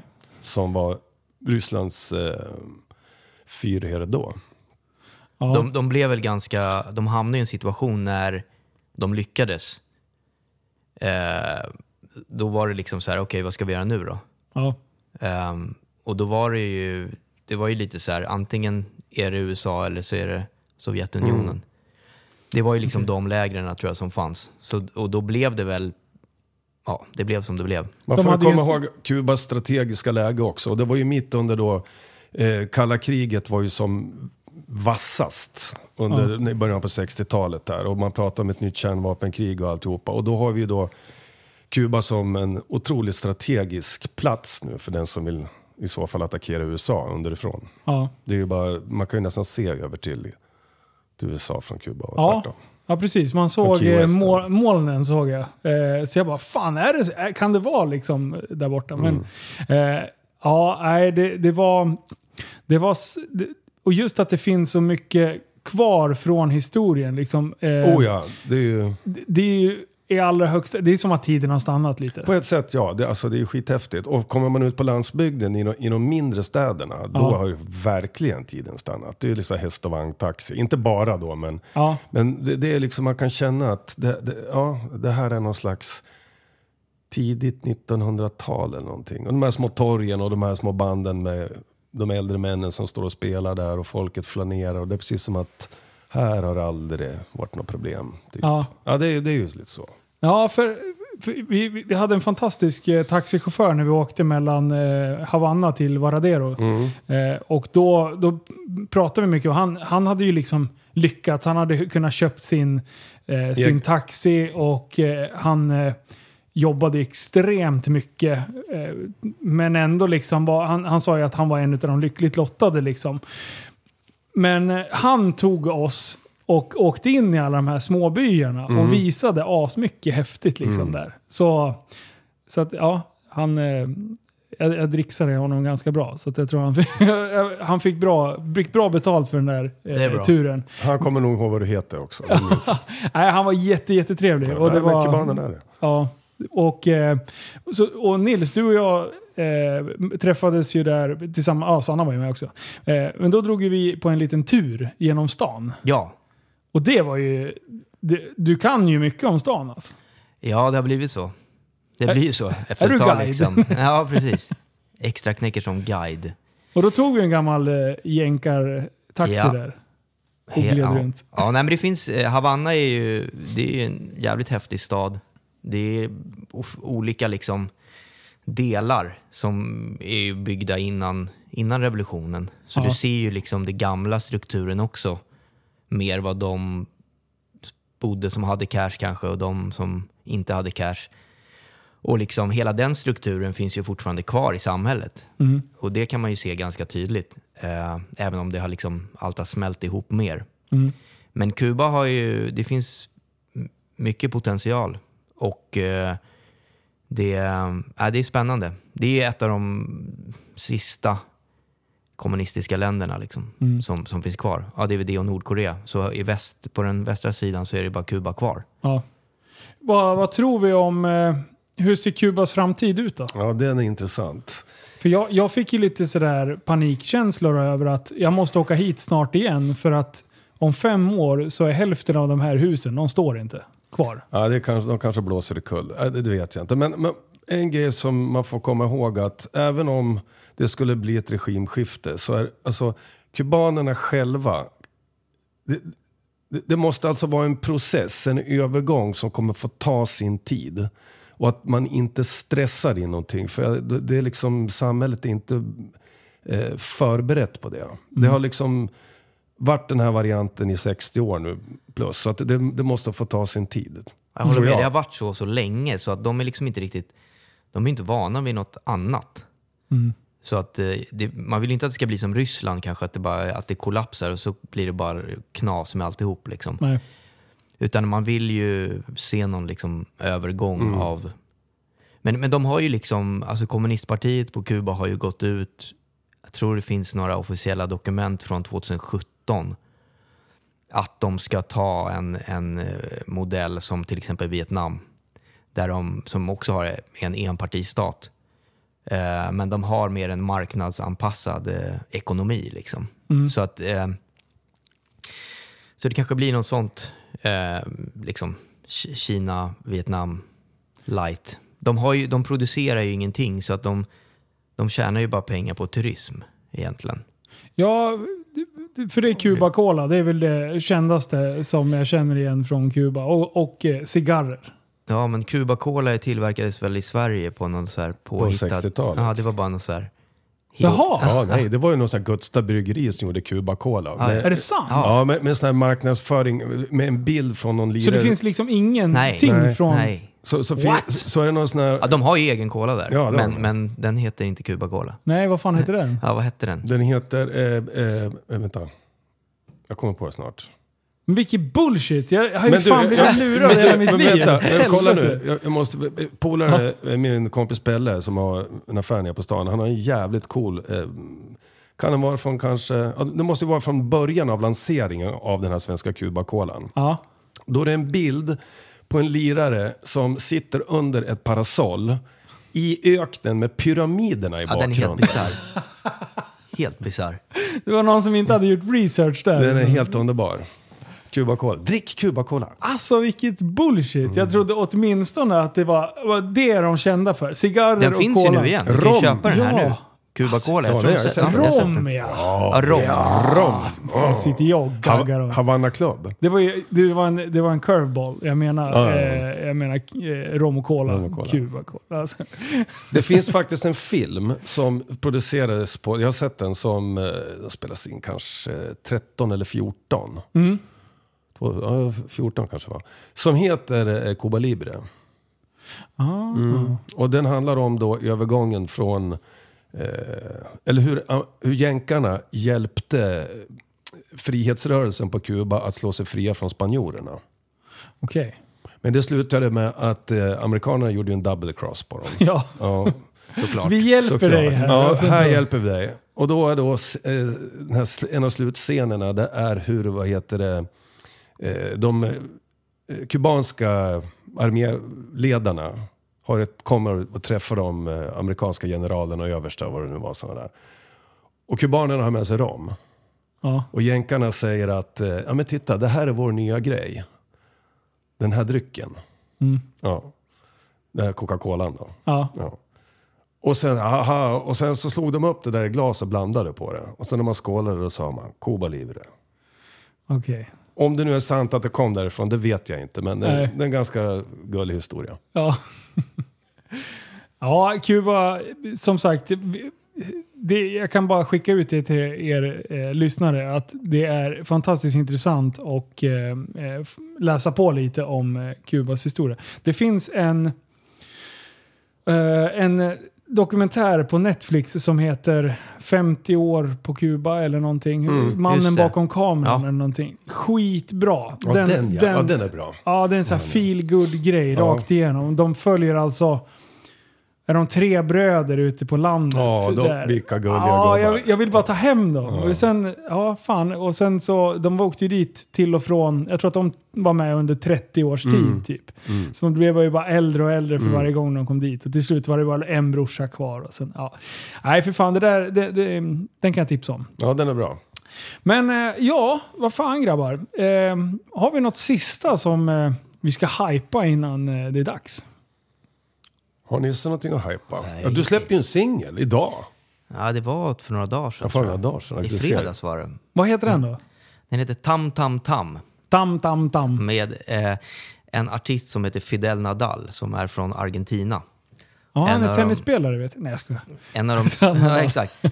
En av de eh, stora grabbarna i, i eh, latin eller spanska reggae-scenen. Ja. Ehm, så den finns ute på Spotify och sådär, alla andra plattformar. Ja. Tam Tam Tam. jag Tam, lyssnade tam, faktiskt tam. på vägen hit. Mm. Jag förstod inte vad de sjöng om. Nej, det är på spanska. Eh, jag är skitdålig på spanska. Jag kan bara två meningar och det, är allt. Ja. Men Det den var bra. bra det, det lät bra i alla fall. Ja, det är alltid något. Ja, om jag får highlighta någonting till då. Dels Ja. då, nästa fredag så har EPn. Och sen så planerar vi att precis dagarna innan jul ska släppa en singel också. Nice. Och den sista januari slash första februari så kommer ett helt album. Som heter Brevet från A. Härligt. Mm. Tio fräscha låtar. Fan vad kul! Och eh, om allt går som det ska så har ju vi ett litet projekt också som vi ska försöka reda ut. Absolut. Exakt. Det får vi inte glömma. Och kan det, får vi ordning på en sån grej så ska vi tre och eh, Liv och prästen från podden Tappat som barn, då ska vi dra iväg på äventyr till Kuba. Det kommer vi göra. Fy fan vad kul det skulle vara. det, kommer, det blir Japp. episk. Då jävlar blir det action. Jajamän.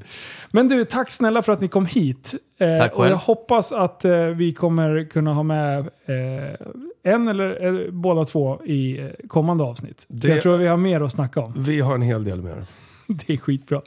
Tack snälla för att ni har lyssnat. Tack Så så. Tack Tack så mycket. Tackar. Ha det så bra! Stort tack för att ni har lyssnat så här långt. Och skulle det vara så att ni gillar podden och vill vara med och stötta det så kan man göra det via Swish på 0734 33 29 95. 0734 33 29 95. Och alla pengar kommer gå till att utveckla podden för att kunna skapa något riktigt, riktigt stort av det här. Tack snälla för att ni har lyssnat. Hej då!